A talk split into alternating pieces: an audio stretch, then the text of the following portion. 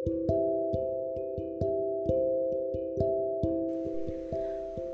zaman dahulu kala, terlihat seorang pemuda tampak sedang memancing di tepi sungai.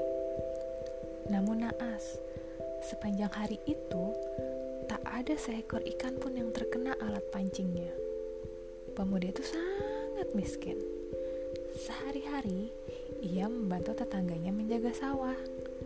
Jika tak ada yang minta bantuannya, ia akan memancing ikan atau berburu ayam di hutan. Alangkah malang nasibku hari ini. Ikan-ikan itu bersembunyi di mana ya? Tanyanya dalam hati. Karena hari sudah gelap, ia pun segera membereskan alat pancingnya. Saat pemuda itu hendak beranjak pergi, tiba-tiba seekor ikan besar berwarna kuning keemasan naik ke permukaan sungai. Wah, ini dia yang kutunggu dari tadi, kata pemuda itu dengan riang. Secepat kilat ditangkapnya ikan itu. Sesampainya di rumah, pemuda itu bersiap memasak ikan tangkapannya. Namun, melihat tatapan ikan itu, ia mengurungkan niatnya. Ikan itu seolah-olah berkata, "Jangan bunuh aku. Ikan cantik, aku akan memeliharamu. Biarlah malam ini aku akan makan nasi berlauk garam aja." Kata pemuda itu. Ikan itu ia letakkan di dalam sebuah tempayan dan diberinya makan beberapa butir nasi. Keesokan harinya, pemuda itu pergi ke sawah. Hari sudah sore ketika pemuda itu pulang. Saat itu, ia sungguh lapar. Ia berencana untuk masak sayur yang dapatnya dari pemilik sawah. Saat memasuki dapur, mata pemuda itu terbelalak. Ia melihat banyak hidangan lezat di sana. Ada nasi putih hangat, gulai ikan, sambal, dan aneka sayuran. Ia mengucap matanya karena nggak percaya. Apa aku sedang bermimpi? Pikirnya.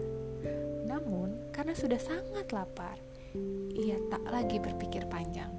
Dilahapnya semua hidangan itu sampai licin tidak bersisa.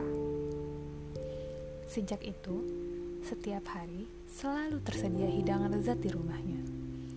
Lama-kelamaan, ia menjadi penasaran dan memutuskan untuk mengintip siapa sih yang menyediakan makanan. Ia ingin berterima kasih. Keesokan paginya, pemuda itu pura-pura pergi ke sawah. Namun sebenarnya ia bersembunyi di dekat jendela dapurnya. Tak lama kemudian, ia mendengar kesibukan di dapur aroma masakan pun tercium sampai keluar. Penasaran, ia mengintip dari jendela dan dapur.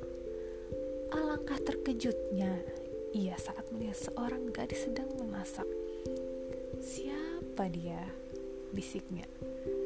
Dalam sekejap, pemuda itu langsung jatuh cinta kepada gadis cantik itu. Hai, siapa kau? Dan sedang apa di rumahku? Tanya pemuda itu. Wanita cantik itu menoleh kaget. Wajahnya pucat pasi karena ketahuan. Uh, aku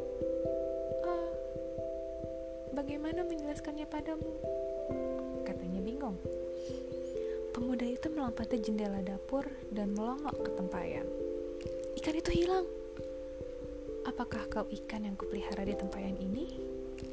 Tanya pemuda itu menyelidik. Hmm, hmm, benar. Aku adalah siluman ikan. Akulah yang memasak setiap hari. Aku berterima kasih karena engkau tidak membunuhku. Jawabnya.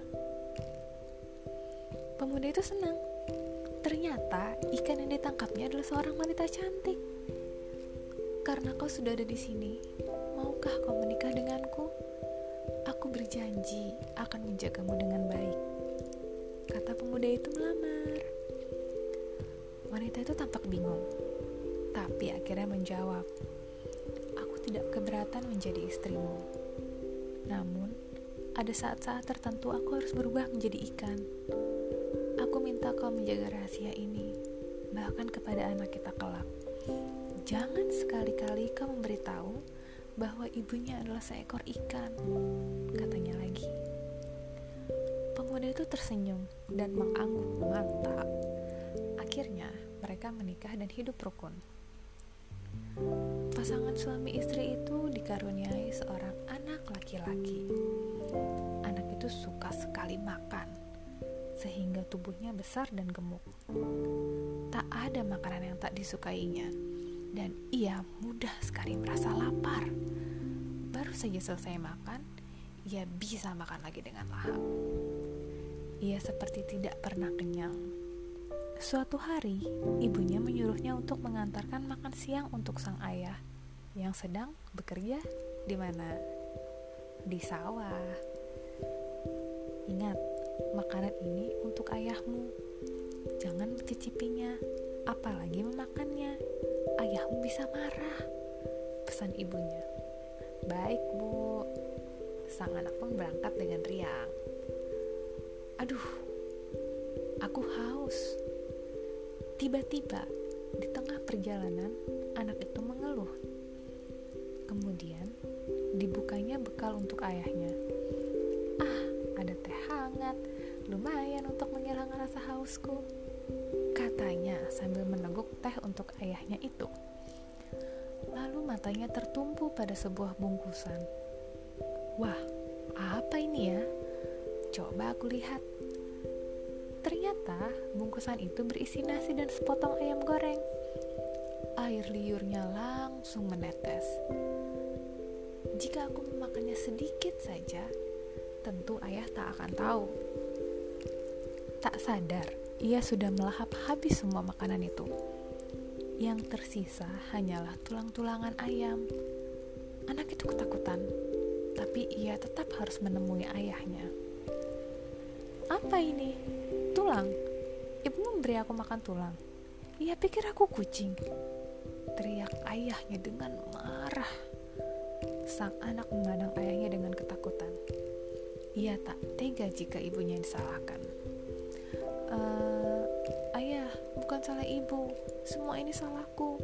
Aku yang memakan bekal itu sampai habis. Maafkan aku, ayah. Aku tak bisa menahan diri.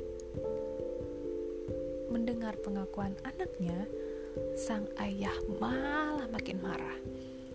Dasar anak ikan, beginilah jika seekor ikan mendidik anak, benar-benar tidak becus, teriak. Sang ayah lupa pada janjinya sebelum menikahi istrinya. Hmm, ibu, ayah mengatakan anak ikan. Katanya ibu tak becus mendidikku karena ibu seekor ikan. Apakah itu benar ibu? Si anak pulang melapor pada ibunya sambil menangis. Ibunya terkejut. Rupanya suamiku sudah lupa pada janjinya. Ketika suaminya tiba di rumah, istrinya berkata, "Mulai saat ini, aku akan bawa anakku pulang ke alamku. Jangan pernah berharap kau bisa menemui kami lagi." Belum sempat suaminya menjawab, langit menjadi gelap dan hujan turun dengan derasnya. Siluman ikan itu mengajak anaknya keluar rumah dan berdiri di tanah lapang. Petir menyambar-nyambar, dan tiba-tiba tubuh anak ibu itu hilang entah ke mana. Hujan pun reda, seiring dengan hilangnya mereka. Sang suami tak dapat menemukan mereka. Ia menyesal dan meratapi kesalahannya. Istriku, anakku, kembalilah. Maafkan aku yang telah mengingkari janji kepada kalian. Namun semuanya sia-sia. Tiba-tiba, dari tempat ibu dan anaknya tadi berdiri, muncullah mata air yang cukup deras. Airnya terus mengalir hingga membentuk danau yang cukup luas. Danau itulah yang sampai sekarang disebut Danau Toba. Tak ada yang tahu ke mana perginya ibu dan anak tadi. Mungkin mereka kembali menjadi ikan dan tinggal di Danau Toba itu. Jadi gitu ceritanya. Sekarang udah tahu kan usul-usulnya?